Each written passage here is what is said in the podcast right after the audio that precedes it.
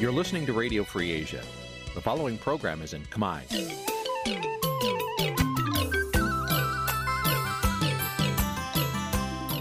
នេះជាកម្មវិធីផ្សាយ Vuthu Azizi Serai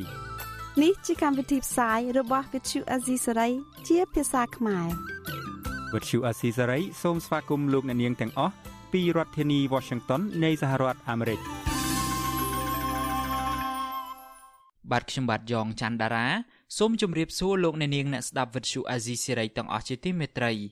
ខ្ញុំបាទសូមជូនកម្មវិធីផ្សាយសម្រាប់ព្រឹកថ្ងៃអាទិត្យ9រោចខែភទ្របទឆ្នាំថោះបញ្ញស័កពុទ្ធសករាជ2567ត្រូវនៅថ្ងៃទី8ខែតុលាគ្រិស្តសករាជ2023បាទជាដំបូងនេះសូមអញ្ជើញអស់លោកអ្នកនាងស្ដាប់ព័ត៌មានប្រចាំថ្ងៃដែលមានមេត្តាដូចតទៅ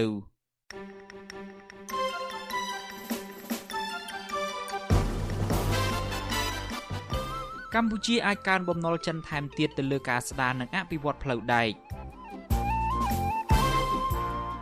សមាជិកសភាអាណត្តិថ្មីបន្តបម្រើបកជាងបម្រើពលរដ្ឋម្ចាស់ឆ្នោតសកម្មជនដីធ្លីខេត្តកោះកុងលោកស្រីផៅយើងទទូចដល់អាជ្ញាធរឈប់បំផ្លាញជីវិតគ្រួសាររបស់លោកស្រីតទៅទៀតសកម្មជនភៀសខ្លួននៅប្រទេសថៃបន្តជួបបញ្ហាសវត្ថិភាព និងបញ្ហាជីវភាព រួមនឹងព័ត៌មានសំខាន់ៗមួយចំនួនទៀត។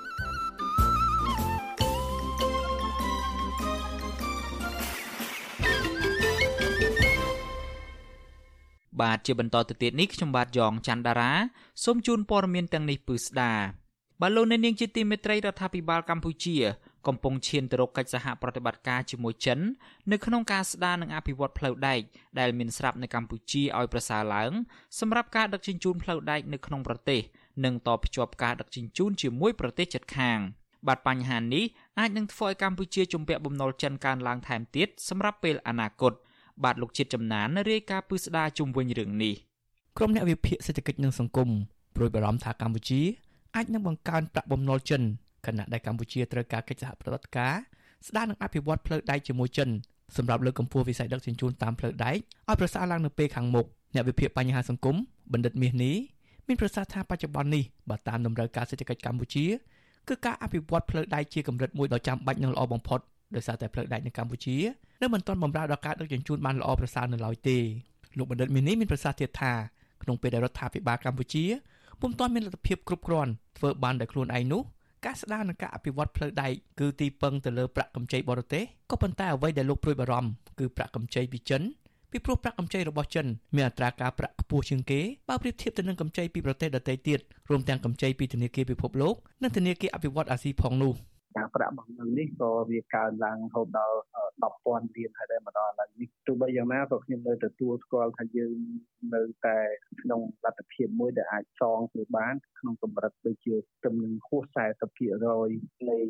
GDP យើងមិនបន្តិចអីប៉ុណ្្នឹងទេបាទនេះវាមិនបញ្ហាអីទេក៏ប៉ុន្តែវាអាស្រ័យទៅលើការវិវត្តនៃសេដ្ឋកិច្ចរបស់យើងដែរបើសេដ្ឋកិច្ចរបស់យើងនៅធ្លាក់ចូលដល់ថ្ងៃយើងអាចមានបញ្ហារឿងសងគឺបណ្ឌិតមាសនេះបញ្ជាក់ទៀតថា តាមការស្រាវជ្រាវរបស់លោកក្នុងរបាយការណ៍កាលពីឆ្នាំមុនប្រទេសកម្ពុជាគ្រាន់តែសងបំណុលសាធារណៈដែលជំពាក់ពីបរទេសមានទឹកប្រាក់ប្រមាណពី500ទៅ600លានដុល្លារទៅហើយក្នុងមួយឆ្នាំ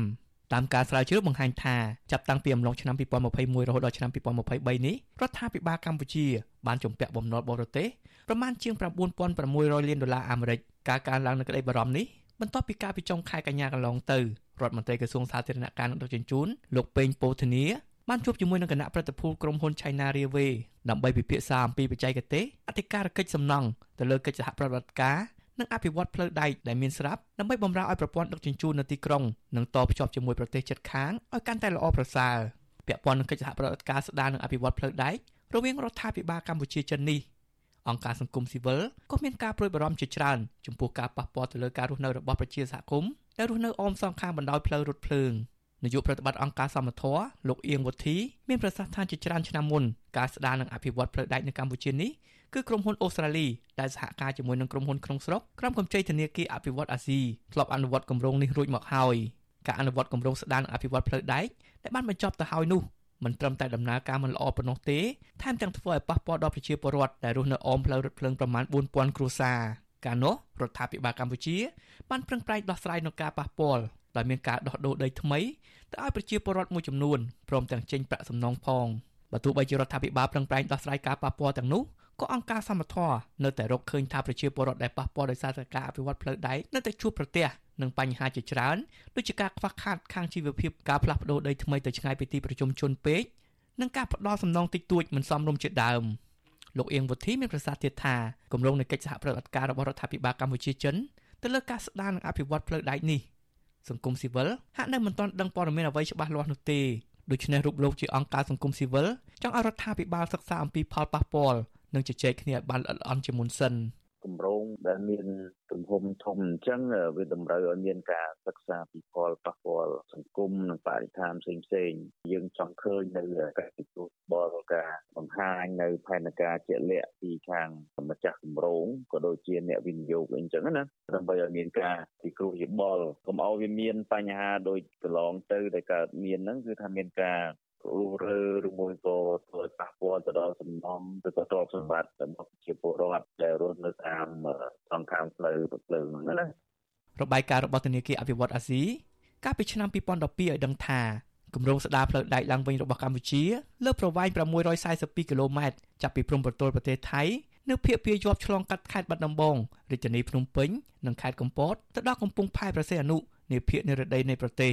អ្នកវិភាគនយោបាយបណ្ឌិតឡៅម៉ុងហៃ ក៏សម្គាល់ឃើញថាដោយសារតែបច្ចុប្បន្នរដ្ឋាភិបាលកម្ពុជាមានទំនាក់ទំនងជិតស្និទ្ធព្រមទាំងបានខ្ចីប្រាក់សម្រាប់យកមកអភិវឌ្ឍទៅលើវិស័យហេដ្ឋារចនាសម្ព័ន្ធជាច្រើនផងនោះមិនត្រឹមតែធ្វើឲ្យកម្ពុជាមានបញ្ហាចម្ពាក់បំណុលចិនកាន់តែច្រើនឡើងច្រើនឡើងប៉ុណ្ណោះទេគឺឥទ្ធិពលចិនក៏កំពុងតែគ្របដណ្ដប់លើកម្ពុជាផងដែរបណ្ឌិតឡៅម៉ុងហៃបញ្ជាក់ថាបញ្ហាជាច្រើនដែលកំពុងកើតឡើងនៅកម្ពុជាដោយសារតែឥទ្ធិពលរបស់ចិនដូចជារដ្ឋាភិបាលខ្មែរហាក់ត្រូវបានចិនធ្វើជាខ្នងបង្អែក ដើម្បីការពារខាងភូមិសាស្ត្រនយោបាយនិងការអនុញ្ញាតឲ្យចិនចូលមកសាងសង់ទីក្រុងនៅកំពង់សោមដោយបើកដៃឲ្យជនជាតិចិនអាចចូលមករស់នៅក្នុងរកស៊ីហើយជនជាតិចិនខ្លះបានបង្កជាបញ្ហាភ័យខ្លាចដល់សង្គមខ្មែរផង តាមមើលទៅគឺបាក់ពីដែលមានទំនាក់ទំនងទំនាក់តែជួហ៊ុនសែននេះគឺរហូតដល់ចឹងមកយើងនឹងគឺបានជ្រើសរើសយកមហាអំណាចចិនដើម្បីជួយការពារទប់ទល់នឹងឥទ្ធិពលខាងវៀតណាមបាទហើយនៅអាមេរិកផងបាទយកមួយយកទៅទុកមួយទៅមកទៅមកនឹងគឺឲ្យជាប់ទាំងអស់គ្នាទៅអ្នកវិភាគនយោបាយយកឃើញថាមូលហេតុដែលចិនចាប់យកកម្ពុជាធ្វើជាដៃគូសហប្រតិបត្តិការជាច្រើនវិស័យ ដោយមិនសូវគិតពីលក្ខខណ្ឌក្នុងការផ្តល់ជំនួយនិងប្រាក់កម្ចីជាដើមនោះដោយសារតែចិនមើលឃើញថាកម្ពុជាបច្ចុប្បន្នគឺជាធាតុសំខាន់ក្នុងយុទ្ធសាស្ត្រពង្រីកតំបន់របស់ចិននៅពេលដែលប្រទេសកម្ពុជាទទួលយកគំរូចិនយ៉ាងពេញលេញនោះការប្រកួតប្រជែងភូមិសាស្ត្រនយោបាយរវាងសហរដ្ឋអាមេរិកនិងចិនគឺវាកាន់តែធ្វើឲ្យចិនមានព្រៀបទៅលើភូមិសាស្ត្រនៃតំបន់នោះខ្ញុំបាទជាចំណាន Visual Society ប្រធានាទី Washington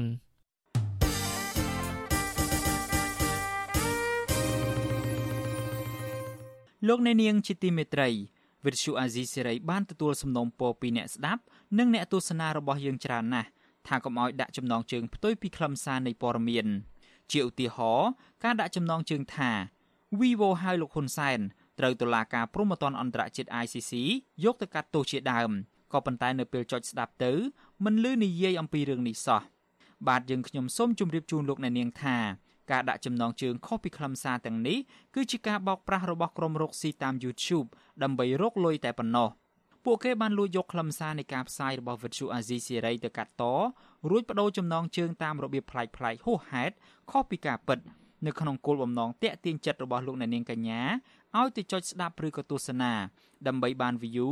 ឬបានចំនួនអ្នកចូលទស្សនាច្រើនបើមានអ្នកចុចស្ដាប់កាន់តែច្រើន ពួកគេក៏កាន់តែរកប្រាក់បានច្រើនតាមនោះដែរ អាស៊ីសេរីមិនដែលដាក់ចំណងជើងខុសពីខ្លឹមសារនោះទេលោកអ្នកនាងកញ្ញាអាចចូលរួមទប់ស្កាត់ការបោកប្រាស់ទាំងនេះបានដោយឈប់ចុចស្ដាប់ឬក៏ឈប់ចុចទស្សនាការចុះផ្សាយណា ដែលដាក់ចំណងជើងខុសប្លែកគួរឲ្យសង្ស័យទាំងនេះជាពិសេសទៅទៀតនោះដើម្បីស្ដាប់ឬមួយក៏ទស្សនាការផ្សាយពិតរបស់អាស៊ីសេរីសូមលោកអ្នកនាងចូលទៅក្នុង Channel របស់អាស៊ីសេរីតែម្ដង ដែលមានអាសយដ្ឋាន www.youtube.com/@rfa ខ្មែរ បាទសូមអរគុណ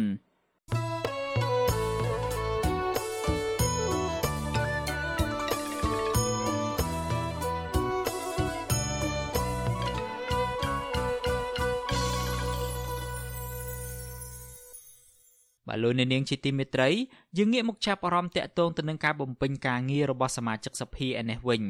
អ្នកខ្លំមើលសង្កេតឃើញថា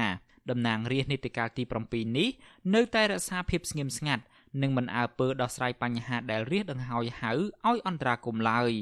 ពួកគាត់ថាភាពអសកម្មនេះកើតឡើងដោយសារអធិបុលតំណាងរាស្ត្រមកពីគណៈបកប្រជាជនកម្ពុជា មានចំនួនច្រើនលើសលប់នៅក្នុងសភា ដែលពួកគេអង្គុយលើកៅអីចាំតែគ្រប់គ្រងមេដឹកនាំបកកណ្ដាលអំណាចមួយនេះបាទនេះជាសេចក្តីរាយការណ៍ព័ត៌មានរបស់លោកទីនហ្សាការីយ៉ាបើទោះបីជារដ្ឋសភាអាណត្តិថ្មីនេះមានគណៈបក2ដែលខុសប្លែកពីអាណត្តិចាស់ក្តី ក៏អ្នកតាមដានពីបញ្ហាសង្គមមើលឃើញថាតំណាងរាស្ត្រនៅក្នុងអាណត្តិថ្មីនេះអសកម្មមិនបានប្រើប្រាស់ទូនាទីរបស់ខ្លួន ដើម្បីបម្រើប្រជាពលរដ្ឋនោះឡើយអ្នកសិក្សាផ្នែកច្បាប់លោកវ៉ុនចាន់ឡូតមើលឃើញថាតំណាងរាស្ត្រនីតិកាលទី7នៅតែអសកម្មដោយតំណាងរាស្ត្រនីតិកាលទី6ដែរដោយសារតែពួកគេកើតចេញពីការបោះឆ្នោតគ្មានសេរីនិងយុត្តិធម៌មិនបង្ហាញឆន្ទៈពិតប្រាកដរបស់ប្រជាពលរដ្ឋ លោកបន្តថាបើសិនជាតំណាងរាស្ត្រកើតចេញពីបំណងឆន្ទៈរបស់ប្រជាពលរដ្ឋពិតមែននោះពួកគាត់នឹងធ្វើអ្វីៗដើម្បីបម្រើជាតិនិងចាំទទួលយកការពឹងពាក់ពីប្រជាពលរដ្ឋហើយធ្វើយ៉ាងម៉េចកុំឲ្យប្រជាពលរដ្ឋមានអារម្មណ៍ថាពេលដែលត្រូវការពឹងពាក់នៅតំណាងរាស្ត្រទាំងអស់ហ្នឹងវាពិបាកដូចអូសរស័យបច្រាស់ចុងណាហើយដូចខ្ញុំបញ្ជាក់អញ្ចឹងគឺថាបើថាតំណាងរាស្ត្រគាត់ពិតជាក្លាហានមែនហ្នឹងអាលបងខាងក្រៅហ្នឹងគឺគាត់ដកចេញហើយវាមិនមែនទៅទុកដូច របងគុករបងអីអញ្ចឹងទេដែលយើងមើលទៅវាដូចអត់សមផ្នែកតរសោះបាទអាណត្តិទី7នេះរដ្ឋសភាមានគណៈបកនយោបាយតែពីរប៉ុណ្ណោះដែលទទួលបានអាសនៈក្រោយពីការបោះឆ្នោតថ្នាក់ជាតិដែលកោជបមិនអោយគណៈបកប្រឆាំងចូលរួមប្រកបប្រជែងកាលពីថ្ងៃទី22កក្កដាឆ្នាំ2023គឺគណៈបកប្រជាជនកម្ពុជារបស់លោកហ៊ុនសែនទទួលបានអាសនៈចំនួន120និងគណៈបកហ្វុនស៊ិនពេជ្ររបស់ព្រះអង្គម្ចាស់នរោត្តមចក្រវុឌ្ឍ ទទួលបានតែ5អាសនៈប៉ុណ្ណោះបើទោះជាយ៉ាងណាតាំងពីជាប់ឆ្នោតរហូតមកទល់ពេលនេះមិនទាន់ឃើញតំណាងរាស្ត្រណាម្នាក់ចេញមុខដោះស្រាយឬមានយោបល់ជំវិញបញ្ហាប្រឈមធំធំរបស់ប្រជាពលរដ្ឋនោះឡើយ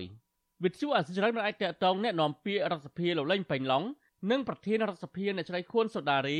ដើម្បីសំសួរអំពីបញ្ហានេះបានទេនៅថ្ងៃទី7ដុល្លារតកតងនៅរឿងនេះ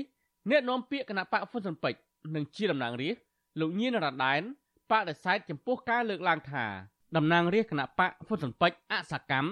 នឹងចាំតែលើកដៃគាំទ្រតាមការសម្រេចរបស់គណៈបកកណ្ដាលអំណាចនោះចំពោះមតិនៃការលើកឡើងថាយើងចាំតែឲ្យអើលើកដៃចំពោះអនុម័តនោះគឺមិនមែនទេដោយសារតែកន្លងមកបន្ទាប់ពីការបង្កើតសភាជាពិសេសតាក់តែងច្បាប់នោះតើមានច្បាប់មួយណាដែលធ្វើឲ្យខូចប្រយោជន៍ជាតិបើសិនបើច្បាប់ទាំងនោះធ្វើឲ្យប៉ះពាល់ប្រយោជន៍ជាតិគឺក្រុមតំណាងរាស្ត្រហើយគណៈបកហ៊ុនពេជ្រយើងក៏មិនងើយកតោដែរ ទោះជាយ៉ាងនេះក្តីកន្លងមកគណៈបកហ៊ុនពេជ្របានចេញមុខប្តឹងរំលាយគណៈបកសង្គ្រោះជាតិកាលពីឆ្នាំ2017ដែលជាគូប្រជែងដ៏មានឥទ្ធិពលជាងគេរបស់គណៈបកកណ្ដាលអំណាចដែលធ្វើឲ្យប្រទេសលោកសេរីដាក់ទណ្ឌកម្មសេដ្ឋកិច្ចនិងកាត់ផ្តាច់ជំនួយមួយចំនួន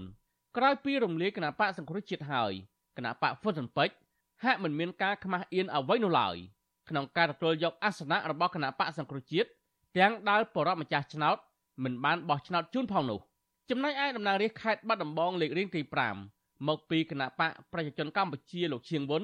បដិសេធមិនធ្វើអត្ថាធិប្បាយនោះឡើយអូខ្ញុំខ្ញុំអត់ឆ្លើយទេក្មួយខ្ញុំអត់និយាយអីទាំងអស់ប្រាក់ខែប្រាក់ខែអីហ្នឹងឆ្លើយក៏អត់បានកាយដែរក្មួយឯងនោះការបដិសេធរបស់លោកឈៀងវុននេះហាក់ផ្ទុយពីរដ្ឋធម្មនុញ្ញនិងទូរនទីរបស់តំណាងរាស្ត្រដែលមានភារកិច្ចធ្វើការដើម្បីបម្រើប្រជាពលរដ្ឋនោះ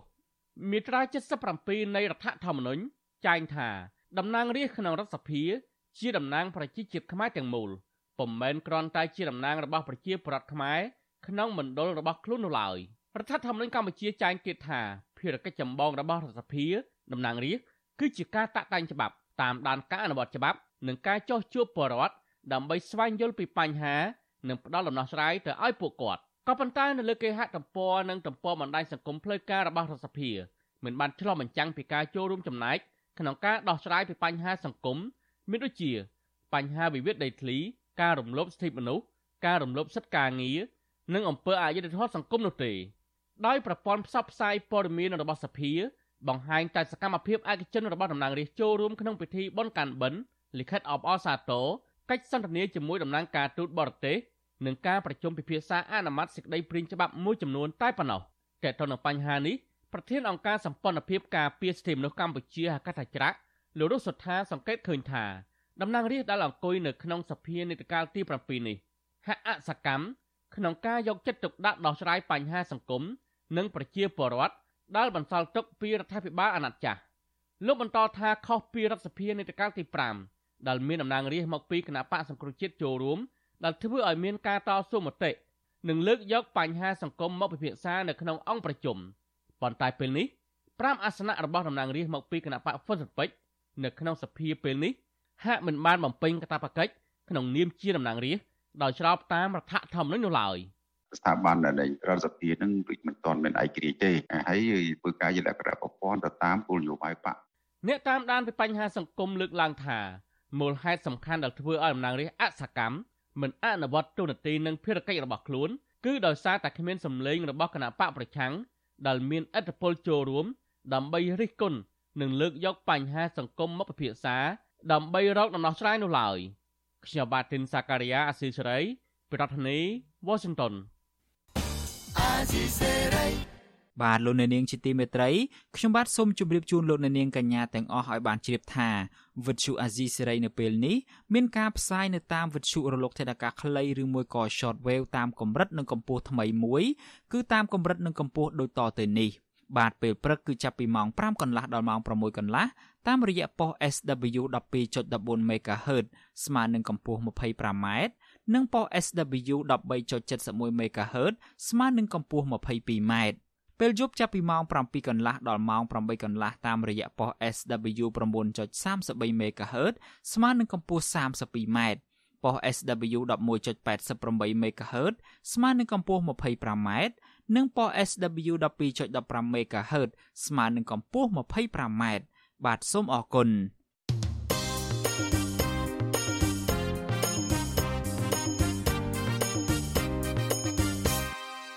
លោកអ្នកនាងកំពុងស្ដាប់ការផ្សាយរបស់ Vuthu Azizi Serai ពីរដ្ឋធានី Washington នៃសហរដ្ឋអាមេរិកសកម្មជនកិច្ចព្រមព្រៀងទីក្រុងប៉ារីស ក្រុងដាក់បណ្ដឹងទៅអង្គការសហប្រជាជាតិអំពីការរំលោភបំពានសិទ្ធិមនុស្សពីសំណាក់អាជ្ញាធរវៀតណាម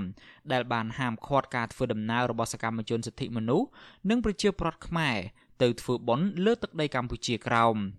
បាទពាក់ព័ន្ធទៅនឹងរឿងនេះមន្ត្រីសមាគមខ្មែរកម្ពុជាក្រោមស្នើដល់អាជ្ញាធរវៀតណាមបង្កភាពងាយស្រួលដល់ប្រជាពលរដ្ឋខ្មែរបានទៅធ្វើបុណ្យលើទឹកដីកម្ពុជាក្រោមបាទសូមលោកអ្នកនាងស្ដាប់សេចក្តីរាយការណ៍ព័ត៌មាននេះ របស់លោកយុនសាមៀនដូចតទៅអាញាធរវៀតណាមបានខាត់រថយន្ត3គ្រឿងរបស់ពុទ្ធបរិស័ទនិងព្រះសង្ឃខ្មែរដែលមានបំណងប្រារព្ធពិធីកាន់បិណ្ឌនៅវត្តភ្នៅកំបុតខេត្តព្រះតាពាំងសកម្មជនសន្ធិសញ្ញាទីក្រុងប៉ារីសលោកស្រុនស្រនថ្លែងក្នុងវីដេអូមួយ នៅថ្ងៃទី7ដុល្លារថាគោលបំណងទៅខេត្តព្រះតាពាំងគឺដើម្បីផ្លាស់ប្ដូរគំនិតយោបល់ នៃពិធីសែនដូនតា ឬបុណ្យកាន់បិណ្ឌរបស់ខ្មែរកម្ពុជាក្រោម។កំពុងតែរុញឲ្យពួកខ្ញុំនេះទៅប្តឹងតុលាការអន្តរជាតិកំពុងជំរុញឲ្យពួកខ្ញុំនេះទៅប្តឹងបណ្ដាហត្ថលេខីឥឡូវនេះឯកសារព្រឹកមិញដែលចេញឲ្យខ្ញុំនេះឯកសារនេះខ្ញុំប្តឹងទៅស្ថានទូតនៅភ្នំពេញហើយនឹងប្តឹងទៅអង្គការសហប្រជាជាតិនៅនៅកម្ពុជាហើយនឹងចាប់ផ្ដើមយកឯកសារនេះយកទៅប្តឹងបណ្ដាស្ថានទូតនានាអំពីអ្វីដែលពួកខ្ញុំ ពុទ្ធបរិស័ទប្រមាណ130នាក់និងព្រះសង្ឃ3អង្គកាលពីថ្ងៃទី6ដុល្លារគ្រងធ្វើដំណើរទៅវត្តភ្នៅកំបុតប៉ុន្តែអាជ្ញាធរវៀតណាមបានហាមឃាត់លោកស្រុនស្រន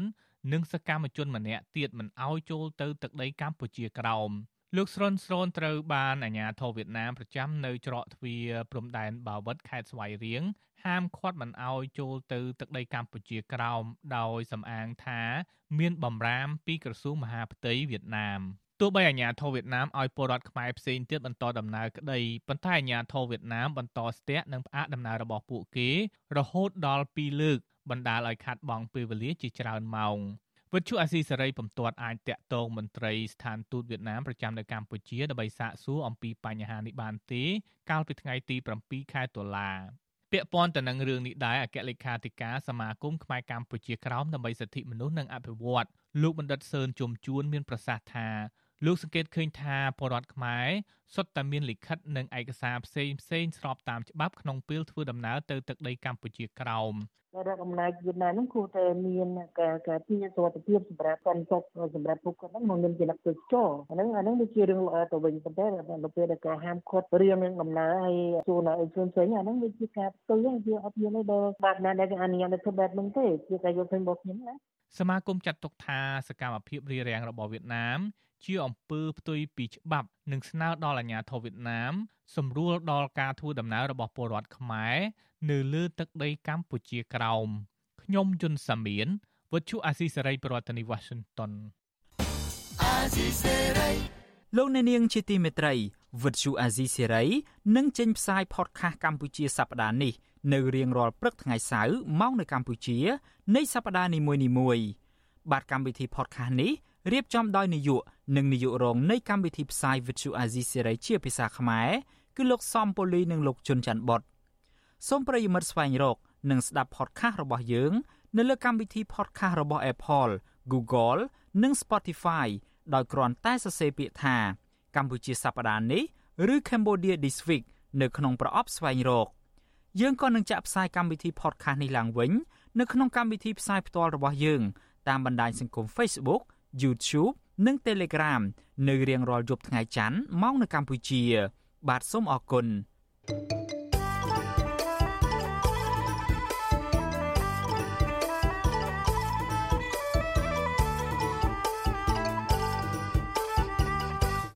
បាទលោកនាងជាទីមេត្រីយើងងាកមកចាប់អារម្មណ៍ពាក់ព័ន្ធទៅនឹងបញ្ហាជួញដូរមនុស្សឯនេះវិញ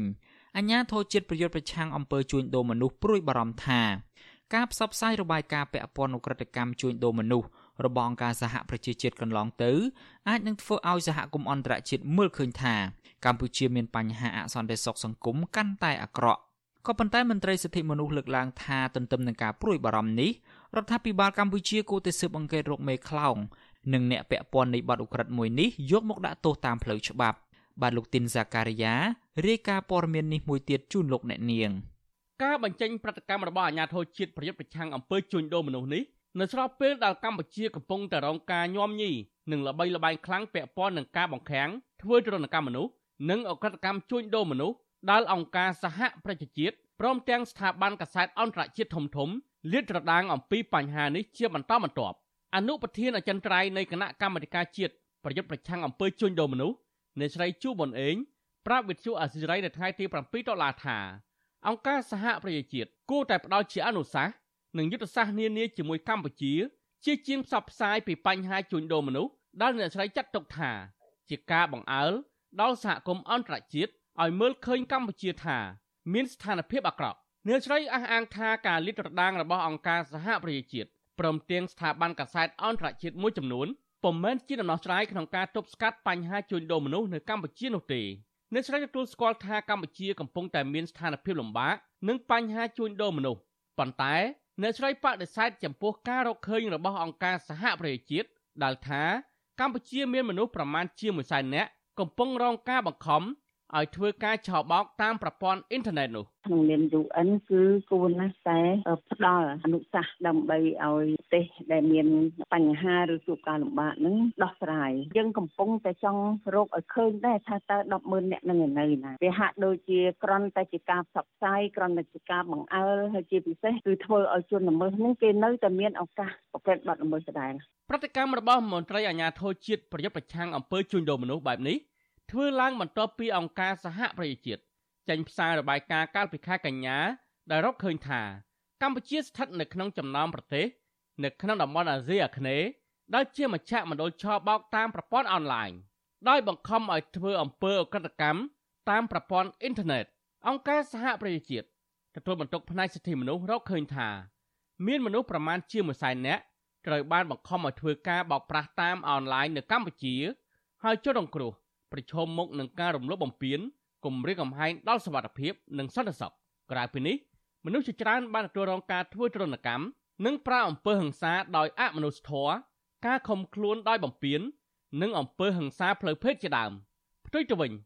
អ្នកស្រីជូប៊ុនអេងមិនទទួលស្គាល់របាយការណ៍ផ្សព្វផ្សាយនេះឡើយ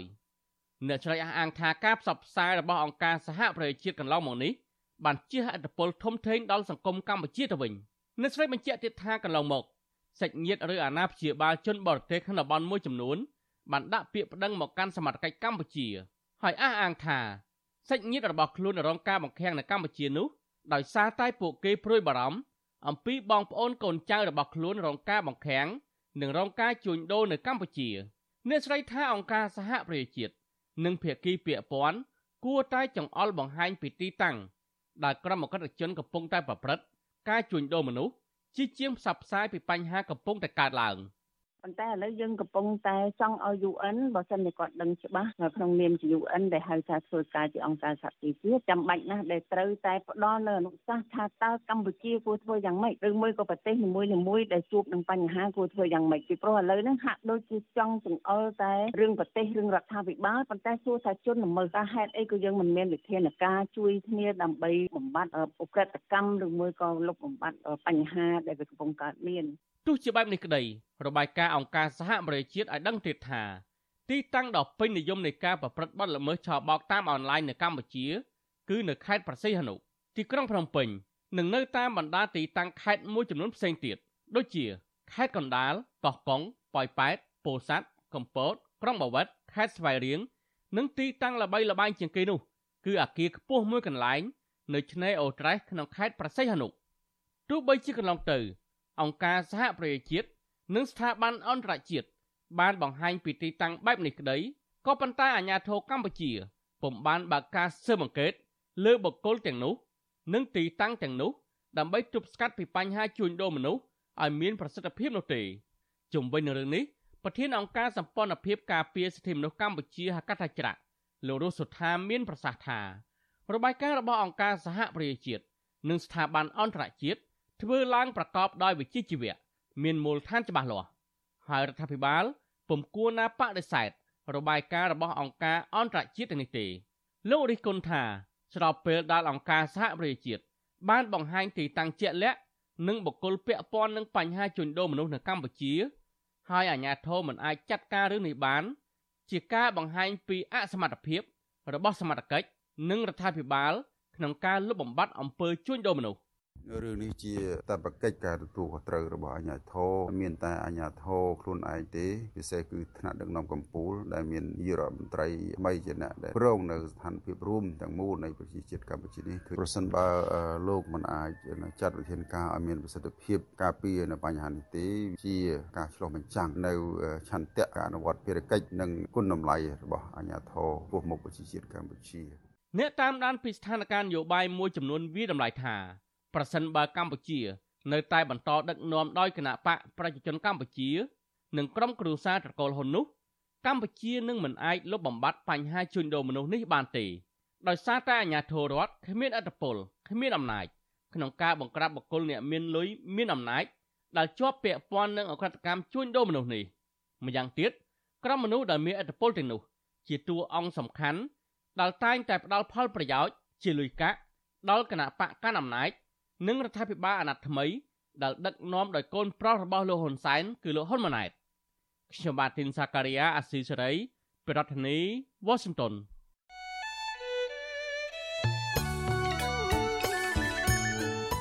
លោកអ្នកនាងជាទីមេត្រីវិទ្យុអាស៊ីសេរីចាប់ផ្ដើមដំណើរការផ្សាយផ្ទាល់កម្មវិធីព័ត៌មានទាំងពេលព្រឹកនិងពេលយប់ជាផ្លូវការនៅលើបណ្ដាញសង្គមថ្មីមួយទៀតគឺបណ្ដាញសង្គម Telegram ចាប់ពីខែមេសាឆ្នាំ2023នេះតទៅលោកអ្នកនាងអាចស្វែងរក Telegram ផ្លូវការរបស់ Vuthu Azizi Siri ដោយស្វែងរកពាក្យថា Vuthu Azizi Siri ឬក៏ RFA ខ្មែរនៅលើទូរស័ព្ទដៃរបស់លោកអ្នកនាង បាទ Telegram ផ្លូវការរបស់ Vuthu Azizi Siri មានសញ្ញា Tick ជាសញ្ញាសម្គាល់បាទក្រុមការងាររបស់ Vuthu Azizi Siri នឹងព្យាយាមរិះរកមធ្យោបាយថ្មីៗបន្ថែមទៀតដើម្បី ផ្ដល់ភាពងាយស្រួលដល់លោកអ្នកនាងកញ្ញានៅក្នុងការស្ដាប់និងទស្សនាការផ្សាយព័ត៌មានរបស់យើង បាទសូមអរគុណ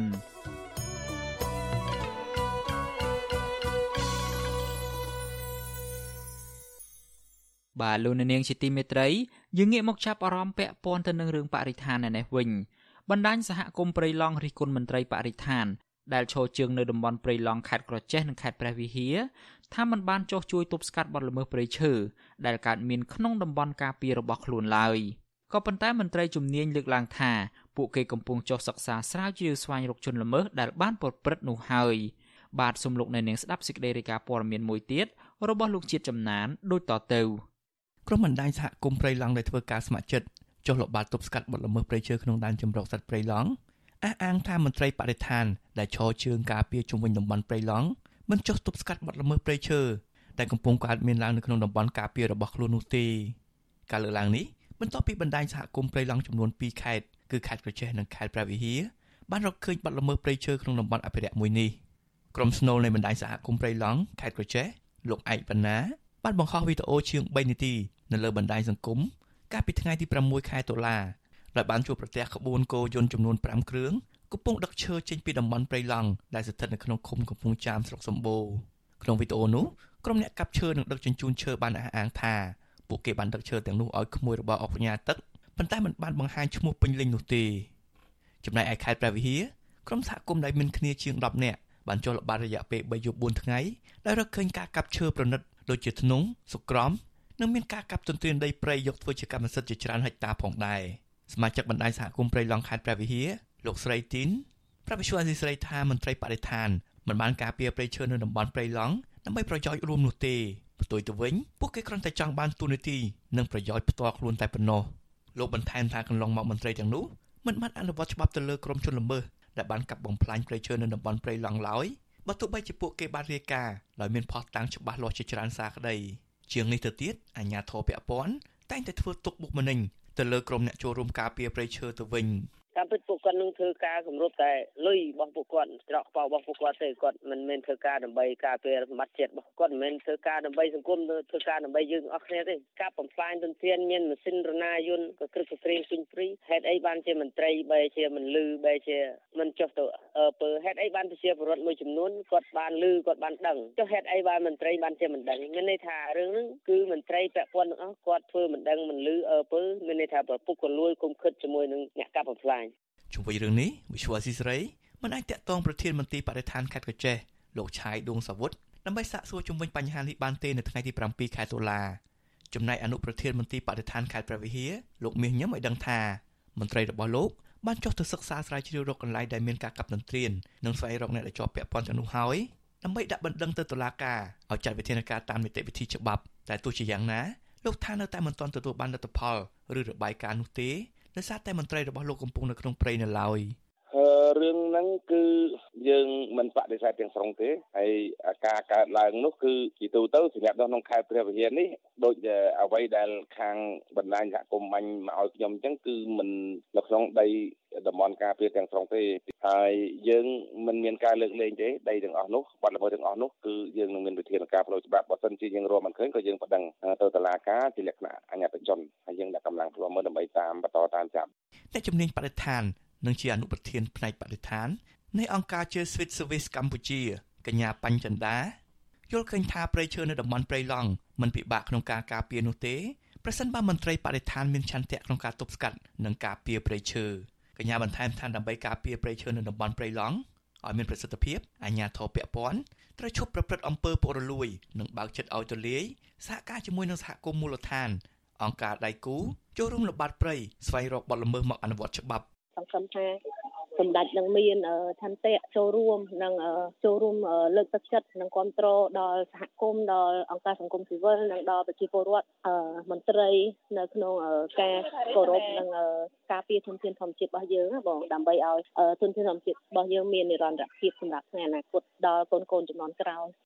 ដែនចម្រុះព្រៃឡង់មានផ្ទៃដីជាង400,000ហិកតាគ្របដណ្ដប់ក្នុងភូមិសាស្ត្រចំនួនគ្របដណ្ដប់ក្នុងភូមិសាស្ត្រខេត្តចំនួន4 រួមមានខេត្តក្រចេះស្ទឹងត្រែងព្រះវិហារនិងខេត្តកំពង់ធំវាត្រូវបានរដ្ឋាភិបាលបង្កើតជាតំបន់ដែនជម្រកសត្វព្រៃក្នុងឆ្នាំ2016ប៉ុន្តែរយៈពេលជាង7ឆ្នាំមកនេះអង្គការជាតិនិងអន្តរជាតិបានចេញរបាយការណ៍ជាបន្តបន្ទាប់ថាដែនជម្រកសត្វព្រៃឡង់តែងតែរងការកាប់ទន្ទ្រានធ្វើអាជីវកម្មនិងការកាប់ទន្ទ្រានដីព្រៃយកមកធ្វើជាកម្មសិទ្ធិពីសំណាក់ក្រុមឈ្មួញនិងក្រុមហ៊ុនដីសម្បត្តិសេដ្ឋកិច្ចនៅជុំវិញតំបន់នោះខ្ញុំបាទជាចំណាន Visual Society ប្រធានាទី Washington បាទលោកអ្នកនាងជាទីមេត្រីតកតងទៅនឹងកម្មវិធីបន់កាន់បិណ្ឌឯនេះវិញវត្តអារាមមួយចំនួននៅឆ្នាំនេះហាក់មានសភាពស្ងប់ស្ងាត់ដោយពុំសូវមានពុទ្ធបរិស័ទចំណោះជើងវត្តនាំគ្នាទៅវត្តឡើយពីព្រោះតែពួកគាត់មានជីវភាពខ្វះខាតបាទសូមលោកអ្នកនាងស្ដាប់សេចក្តីរាយការណ៍មួយទៀតរបស់លោកយុនសាមៀនដូចតទៅ បុណ្យកាន់បិណ្ឌឆ្នាំនេះខុសប្លែកពីឆ្នាំមុនមុនដោយសារតែពលរដ្ឋមួយចំនួនជួបបញ្ហាសេដ្ឋកិច្ចគ្មានលុយសម្រាប់ធ្វើបុណ្យ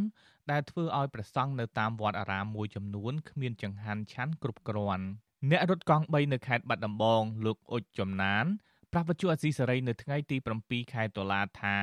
ពិធីបុណ្យឆ្នាំនេះពុំសូវមានភ្ញៀវទេសចរនិងពលរដ្ឋនាំគ្នាទៅវត្តនោះទេដែលធ្វើឲ្យលោកពិបាករកប្រាក់ចំណូល លោកបន្តថាបនកាន់បិណ្ឌវេនទី8ហើយប៉ុន្តែលោកគ្មានប្រាក់ធ្វើបននោះទេដោយសារតែបញ្ហាជីវភាពខ្វះខាត ហើយរវល់ធ្វើការងារដើម្បីរកប្រាក់ដោះស្រាយបញ្ហាជីវភាពកាន់បិណ្ឌនេះអត់បានទៅទេព្រោះអត់មានលុយសោះដែរមួយរត់បានវាមានជាវដឹកខ្ញុំបើមិនវាអត់មានជាវដឹកទេវត្តក៏ប្រហែលជាអត់បានទៅដែរព្រោះព្រោះឥឡូវហ្នឹងសូម្បីតែលុយសម្រាប់ទិញម្ហូបទិញតហ្នឹងក៏វាអត់មានដែរ ក្រៅពីពលរដ្ឋគ្មានប្រាក់ទៅធ្វើបន់ទៀនហើយនោះវត្តខ្លះក៏នៅខ្វះចង្ហាន់និងមិនមានពុទ្ធបរិស័ទធ្វើជាម្ចាស់វេនបិណ្ឌទៀតផងព្រះចៅអធិការគង់នៅវត្តសោតនិគមប្រជុំខេត្តឬហៅថាខេត្តបាក់ព្រាខេត្តបាត់ដំបងព្រះអង្គយតស៊ីយ៉ូនមានថរណិកាថានៅវត្តព្រះអង្គពុំសូវមានពុទ្ធបរិស័ទមកធ្វើបុណ្យប្រគេនចង្ហាន់នោះទេដោយសារវត្តនៅឆ្ងាយពីទីប្រជុំជន និងផ្លូវពិបាកធ្វើដំណើរ ព្រះអង្គមានថរណិកាបន្តថាវត្តព្រះអង្គពុំមានម្ចាស់វេនកាន់បិណ្ឌរាល់ថ្ងៃនោះទេដោយពុទ្ធបរិស័ទគ្មានបច្ច័យធ្វើចង្ហាន់ បនតលេសាបវាខ្វះខាតខ្វះខាតច្រើនព្រោះណាមួយពុទ្ធបរិស័ទគាត់គាត់រួមទៅបានផងអីផងពិបាកនឹងការធ្វើបុណ្យធ្វើទានពិបាកពីបិណ្ឌ1ដល់បិណ្ឌ14ហ្នឹង14អីហ្នឹងវាមានខ្លះអត់ខ្លះយើងវេនវេនដែលអត់អត់ហ្នឹងយើងសាមគ្គីគ្នាទៅណាយើងស្វាក់គ្នាទៅស្វាក់គ្នាដើម្បីបង្កើតជាកម្មវិធីមួយទៅឲ្យឲ្យកើតមានវេនមួយវេនមួយវេនមួយវេនហ្នឹងខ្ញុំ ដោយឡែកនៅវត្តជាប់ព្រំដែនប្រទេសវៀតណាមវិញព្រះចៅអធិការគង់នៅវត្តពូរាំងសីខេត្តស្វាយរៀងព្រះអង្គហេងសម្បត្តិមានថរណិកាថាព្រះអង្គមានប្រសង់គង់ចាំព្រះវស្សា22អង្គព្រះអង្គបន្តទៀតថាវត្តព្រះអង្គមានសភាពស្ងប់ស្ងាត់ជាងរាល់ឆ្នាំពលគឺមានសូត្រធម៌នៅក្នុងព្រះវិហារប៉ុន្តែពុំមានពុទ្ធបរិស័ទមកបោះបាយបិណ្ឌឡើយ មិនមានទេមិនមានទេនេះដោយសារប្រសងព្រះអង្គលោកគង់នៅ លោករស់ដោយការអធិស្ឋាននៃបិណ្ឌបាតដែលបិណ្ឌបាតបិណ្ឌបាតថ្ងៃខ្លះក៏បានចង្ហាន់ទៅថ្ងៃខ្លះក៏មិនបានចឹងទៅប៉ុន្តែបើថ្ងៃណាដែលមិនបានហ្នឹងគឺចាត់ចែងធ្វើចង្ហាន់នៅក្នុងវត្តតែម្ដងដោយឡែកដល់ការនិមន្តដើរបិណ្ឌបាតហ្នឹងគឺមិនបរិបូរទេកន្លែងខ្លះចឹងទៅដែលមិនទៅនឹងបានមួយចានពីរចានចឹងទៅណាបង វិទ្យុអាស៊ីសេរីមិនអាចតាក់ទងแนะនាំពាក្យក្រសួងធម្មការនិងសាសនាលោកសេងសុមុនីដើម្បីសាកសួរជុំវិញបញ្ហានេះបានទេនៅថ្ងៃទី7ខែតុលាជុំវិញបញ្ហានេះដែរប្រធានសមាគមសម្ព័ន្ធនិស្សិតបញ្ញវន្តខ្មែរលោកកើតសារាយមានប្រសាសន៍ថាលោកបានទៅលេងស្រុកកំណើតកាលពីពិធីកាន់បិណ្ឌវេនទី6លោកសង្កេតឃើញថានៅតាមវត្តមួយចំនួនមានសភាពស្ងប់ស្ងាត់ស្ទើរតែគ្មានពុទ្ធបរិស័ទយកចង្ហាន់ទៅប្រគេនព្រះសង្ឃ លោកបន្តថាបញ្ហានេះគឺដោយសារតែពលរដ្ឋមានជីវភាពខ្វះខាតហើយធ្វើឲ្យប៉ះពាល់ដល់ប្រសង់នៅតាមទីវត្តអារាម ដូច្នេះអ្នកបួសគឺរស់អាស្រ័យជាមួយនឹងបរិស័ទគេទេយទានចង្ហាន់នំនេកបាយទឹកបងស្បៃត្រៃយវអីផ្សេងផ្សេងចឹងហើយចុះកាលណាដែលបរិស័ទគាត់អត់មានលទ្ធភាពក្នុងការចំណាយសម្បីតែការដោះស្រាយជីវភាពប្រចាំថ្ងៃរបស់ខ្លួនឯងក៏អត់ផងចុះបរិស័ទអត់មានចង្ហាន់បិណ្ឌបាតប្រគេនតើឲ្យអ្នកបួសទៅរស់មិនអាហ្នឹងជាបញ្ហាចង់មិនចង់គឺអ្នកបួសត្រូវតែជាដើមចមួយដែរនៅក្នុងការរងគ្រោះអំពីវិបត្តិជីវភាពរបស់ពលរដ្ឋណាបាទពិធីកាន់បិណ្ឌមានរយៈពេល15ថ្ងៃគឺចាប់ពីថ្ងៃទី1ខែតុលាដល់ថ្ងៃទី15ខែតុលា គឺជាថ្ងៃបុណ្យភ្ជុំធំ ទៅតាមទំនៀមទម្លាប់តាំងពីបុរាណព្រះអង្គហេងសម្បត្តិឲ្យដឹងថាបុណ្យភ្ជុំបិណ្ឌឬហៅថាបុណ្យសែនលោកតា ដើម្បីឧទ្ទិសកុសលដល់វិញ្ញាណក្ខន្ធនៃអ្នកមានគុណទាំងឡាយដែលបានលាចាកលោកនេះទៅកាន់លោកខាងមុខនិងជាការបង្កើតឲ្យមានសាមគ្គីគ្នាខ្ញុំយុនសាមៀនវិទ្យុអាស៊ីសេរីប្រធានាធិបតី Washington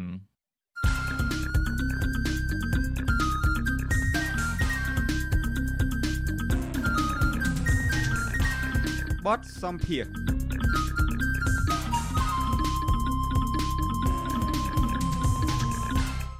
លោកអ្នកនាងកំពុងស្ដាប់ការផ្សាយរបស់វិទ្យុអាស៊ីសេរីពីរដ្ឋធានី Washington នៃសហរដ្ឋអាមេរិកសកម្មជនដីធ្លីខេត្តកោះកុងលោកស្រីផាវយើងរៀបរាប់ទាំងទឹកភ្នែកថាអាញាធរខេត្តកោះកុងនិងរដ្ឋាភិបាលព្យាយាមបំផ្លាញជីវិតក្រុមគ្រួសារលោកស្រីដោយយកដីលោកស្រីទៅឲ្យក្រុមហ៊ុនឯកជន ចាប់លោកស្រីដាក់ពន្ធនាគារ តាមគម្រាមកំហែងឥតឈប់ឈរហើយបណ្ដោយឲ្យក្រុមចៅចូលទៅគាស់ផ្ទះលោកស្រីថែមទៀតផង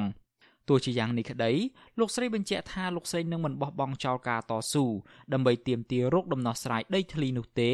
ពីព្រោះដីធ្លីនេះគឺជាអាយុជីវិតផង និងជាទ្រព្យសម្បត្តិតែមួយគត់ដែលអាចជួយឲ្យលោកស្រីជួយកូនកូនរបស់លោកស្រីឲ្យពួកគេមានអនាគតល្អផង បាទជាបន្តទៅទៀតនេះសូមលោកអ្នកនាងស្ដាប់បទសម្ភាសន៍រវាងខ្ញុំបាទជាមួយនឹងលោកស្រីផាវយើង អំពីរឿងនេះដូចតទៅបាទអរគុណលោកស្រីផាវយើងលោកស្រីបានរៀបរាប់ពីស្ថានភាពសុខភាពមិនទាន់ស្រួលបួននៅឡើយទេហើយមកដល់ផ្ទះវិញក៏ឃើញនៅថាមានគេករណីចោលកោះផ្ទះអីចឹងជាដើមឥឡូវនេះស្ថានភាពនឹងយ៉ាងម៉េចដែរលោកស្រីមុននឹងយើងសម្ភាសអំពីរឿងក្តីក្តាមតឡាការនេះចង់ដឹងពីស្ថានភាពនៅផ្ទះលោកស្រីវិញយ៉ាងម៉េចហើយនៅពេលនេះបាទខ្ញុំស្លុតណាស់ដែលជីវិតខ្ញុំត្រូវបានគេបំ ផ្លាញអស់ទាំងស្រុងខ្ញុំសោកប្រថុយបាទហើយខ្ញុំឈឺណាស់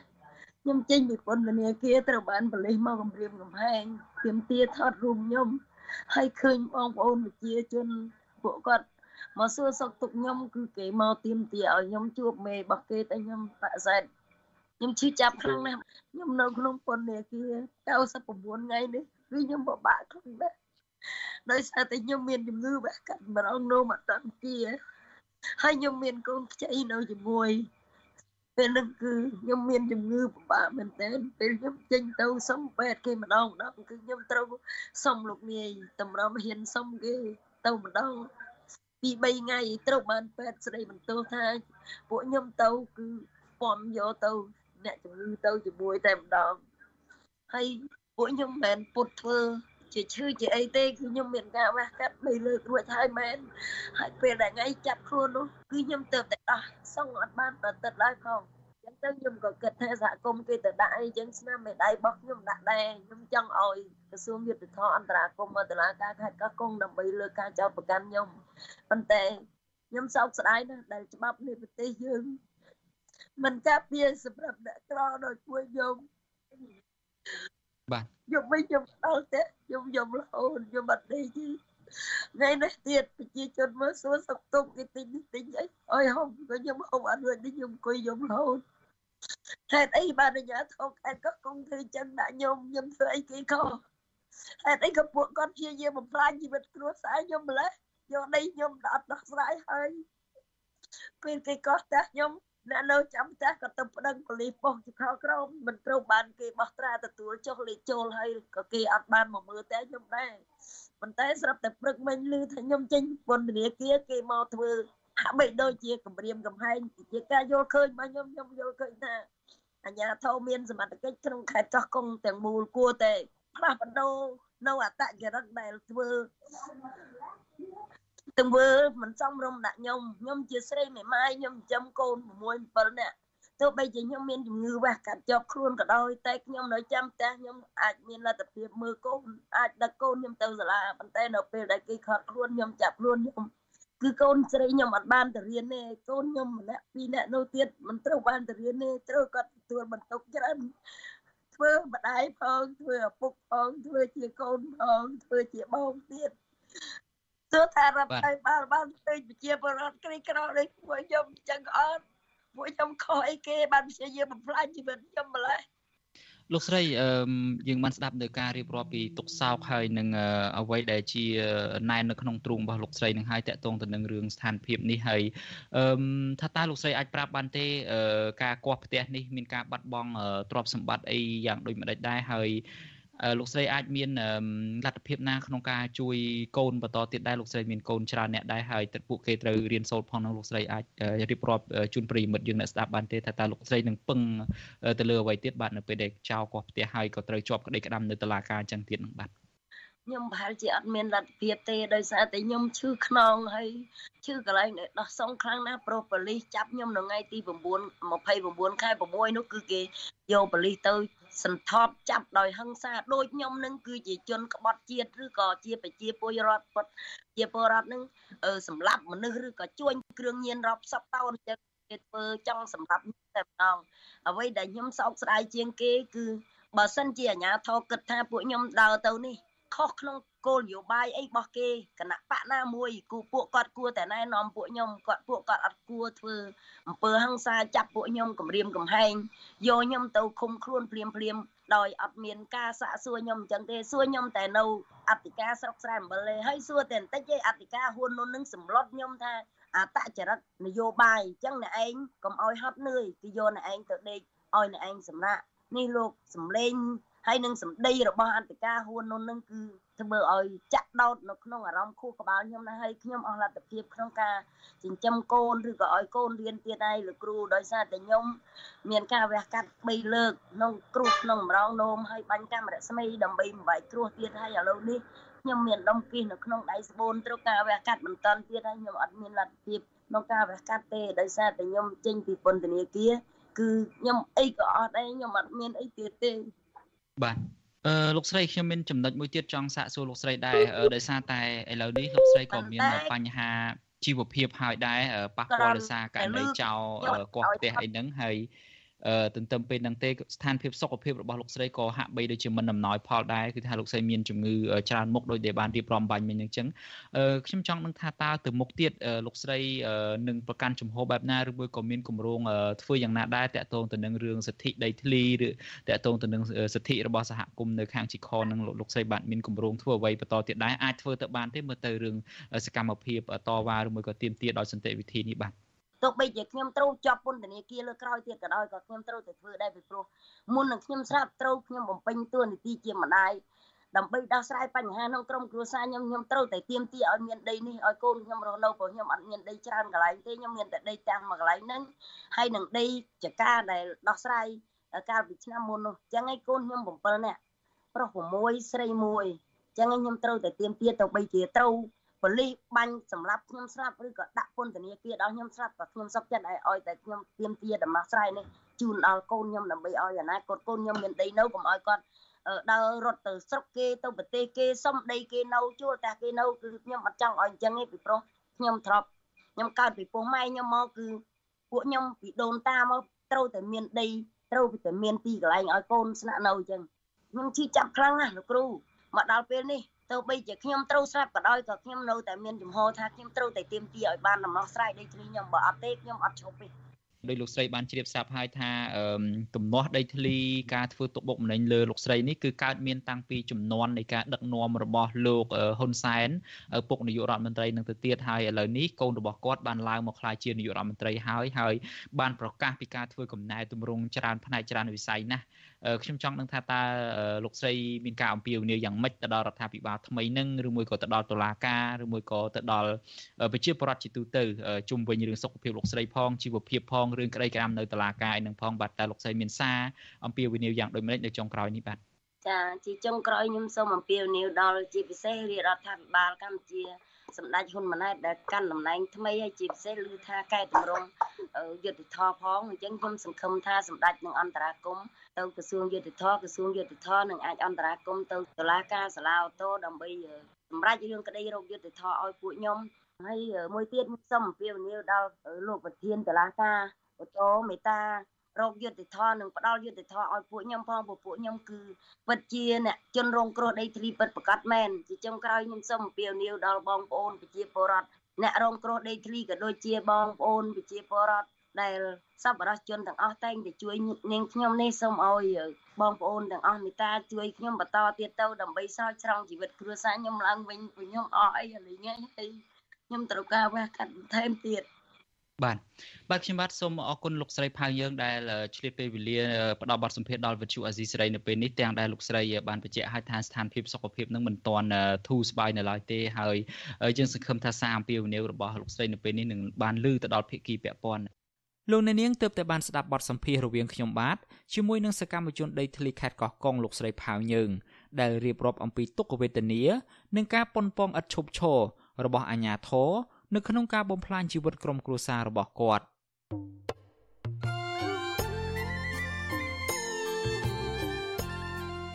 លោកអ្នកនាងជាទីមេត្រី នៅក្នុងឱកាសនេះដែរខ្ញុំបាទសូមថ្លែងអំណរគុណដល់លោកអ្នកនាងកញ្ញាទាំងអស់ដែលតែងតែមានភក្ដីភាពចំពោះការផ្សាយរបស់យើងហើយចាត់ទុកការស្ដាប់វិទ្យុអាស៊ីសេរីគឺជាផ្នែកមួយនៃសកម្មភាពប្រចាំថ្ងៃរបស់លោកអ្នកនាង គឺការគ្រប់គ្រងរបស់លោកអ្នកនាងនេះហើយដែលធ្វើឲ្យយើងខ្ញុំមានទឹកចិត្តកាន់តែខ្លាំងក្លាថែមទៀតនៅក្នុងការស្វែងរកនិងផ្តល់ព័ត៌មានជូនលោកអ្នកនាងមានអ្នកស្ដាប់អ្នកទស្សនាកាន់តែច្រើនកាន់តែធ្វើឲ្យយើងខ្ញុំមានភាពស្វាហាប់មោះមុតជាបន្តទៅទៀតយើងខ្ញុំសូមអរគុណទុកជាមុនហើយសូមអញ្ជើញលោកអ្នកនាងកញ្ញាទាំងអស់ចូលរួមជំរុញឲ្យសកម្មភាពផ្តល់ព័ត៌មានយើងនេះកាន់តែជោគជ័យបន្ថែមទៀតលោកអ្នកនាងអាចជួយយើងខ្ញុំបានដោយគ្រាន់តែចុចចែករំលែកឬមួយក៏ Share ការផ្សាយរបស់យើង នៅលើបណ្ដាញសង្គម Facebook និង YouTube ទៅកាន់មិត្តភ័ក្តិដើម្បីឲ្យការផ្សាយរបស់យើងបានទៅដល់មនុស្សកាន់តែច្រើន បាទសូមអរគុណ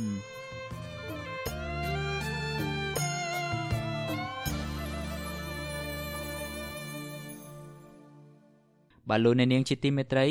សកម្មជនគណៈបកប្រឆាំងដែលកំពុងភៀសខ្លួននៅប្រទេសថៃបន្តប្រឈមទៅនឹងបញ្ហាសវត្ថិភាព និងបញ្ហាជីវភាព ខណៈវិបត្តិនយោបាយនិងវិបត្តិសេដ្ឋកិច្ចសកល បន្តអូសបន្លាយពេលវេលាជាច្រើនឆ្នាំមកនេះពួកគាត់ស្នើដល់អង្គការសហប្រជាជាតិទទួលបន្ទុកជនភៀសខ្លួនហៅកាត់ថា UNHCR ពន្យល់នីតិវិធីបញ្ជូនពួកគាត់ឲ្យចេញពីប្រទេសថៃពីព្រោះប្រទេសថៃលែងជាទីកន្លែងមានសុវត្ថិភាពសម្រាប់ជនភៀសខ្លួនតទៅទៀតហើយបាទលោកលេងម៉ាលីរាយការណ៍ពុស្ដាអំពីរឿងនេះ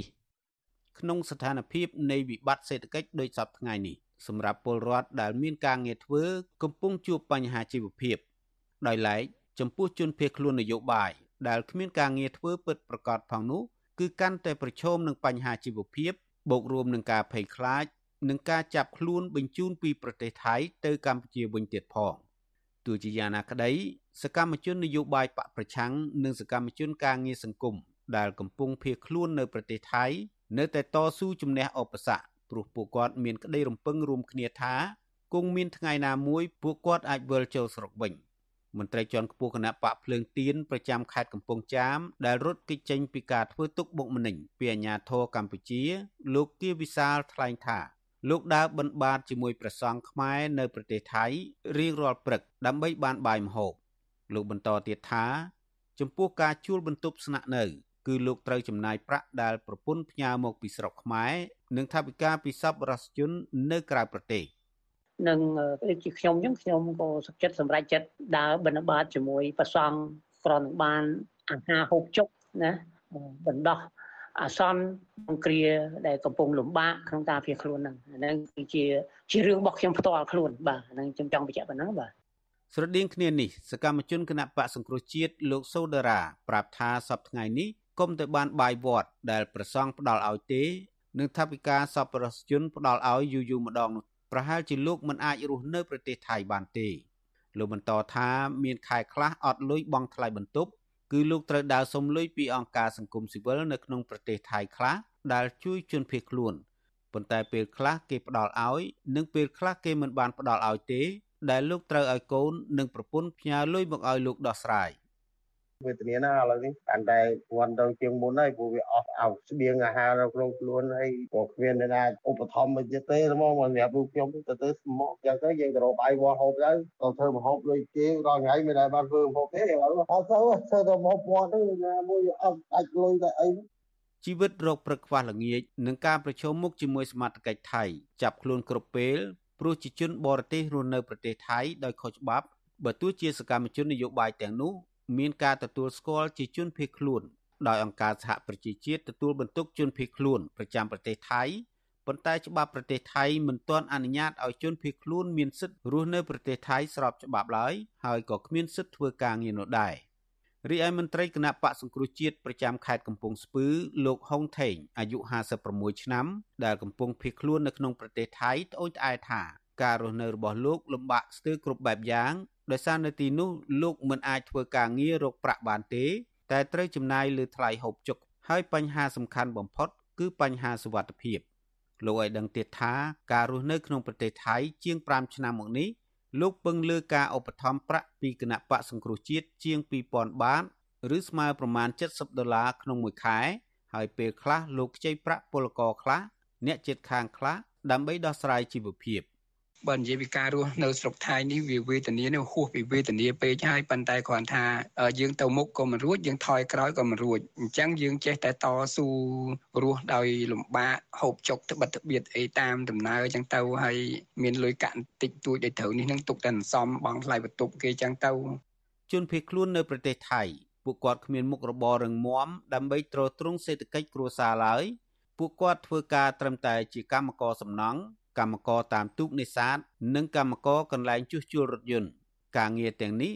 សុទ្ធតែជាការងារខុសច្បាប់ព្រោះពួកគាត់គ្មានឯកសារការងារបានអនុញ្ញាតឲ្យធ្វើការងារដោយពលករទូទៅឡើយចំណែកអ្នកខ្លះរកការងារមិនបានធ្វើព្រោះអាយុច្រើន មិនសូវស្គាល់គេ ពួកគាត់បានត្រឹមតែសុំជំនួយពីអង្គការដៃគូរបស់អង្គការ UNHCR ជាប្រាក់បន្តិចបន្តួចអង្គត្រីខនិងទឹកត្រីជាដើម សកម្មជនគណៈបកភ្លើងទៀនកញ្ញាគៀតកញ្ញា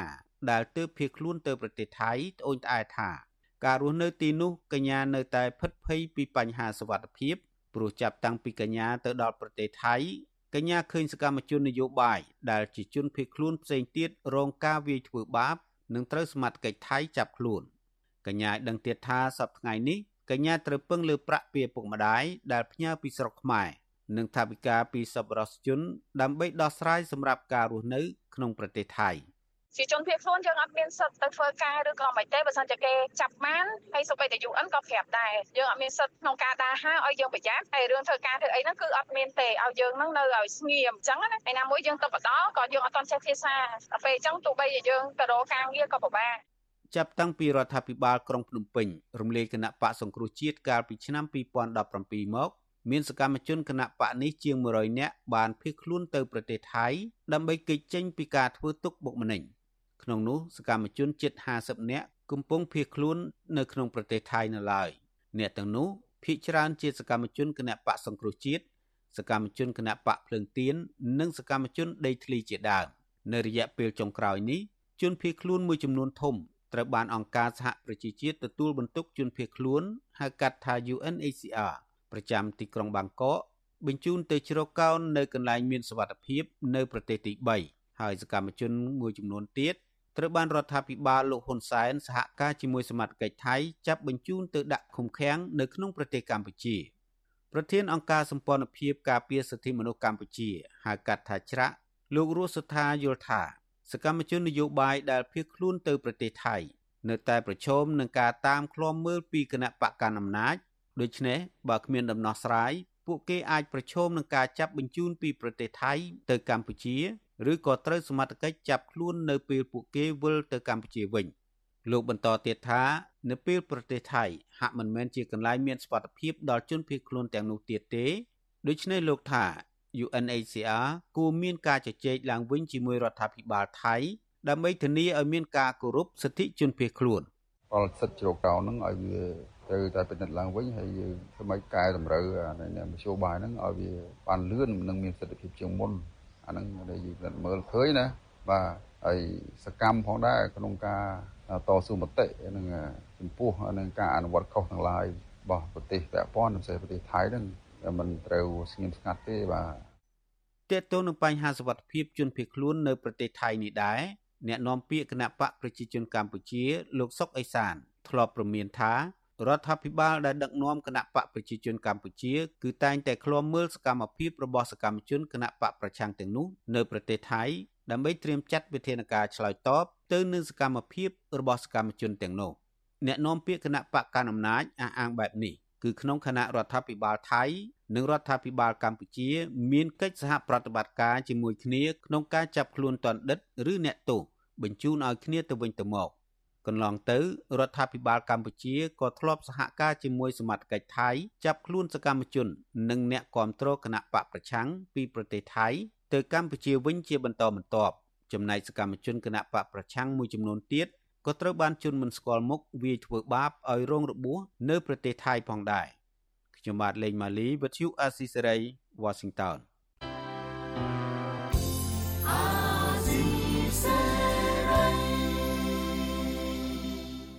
លោកអ្នកនាងជាទីមេត្រី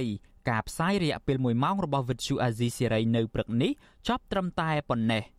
យើងខ្ញុំសូមជូនពរដល់លោកអ្នកនាងព្រមទាំងក្រុមគ្រួសារទាំងអស់ឲ្យជួបប្រកបតែនឹងសេចក្តីសុខចម្រើនរុងរឿងកុំបីឃ្លៀងឃ្លាតឡើយខ្ញុំបាទយ៉ងច័ន្ទដារាព្រមទាំងក្រុមការងារទាំងអស់នៃ Vithu Azizi Serai សូមអរគុណនិងសូមជម្រាបលា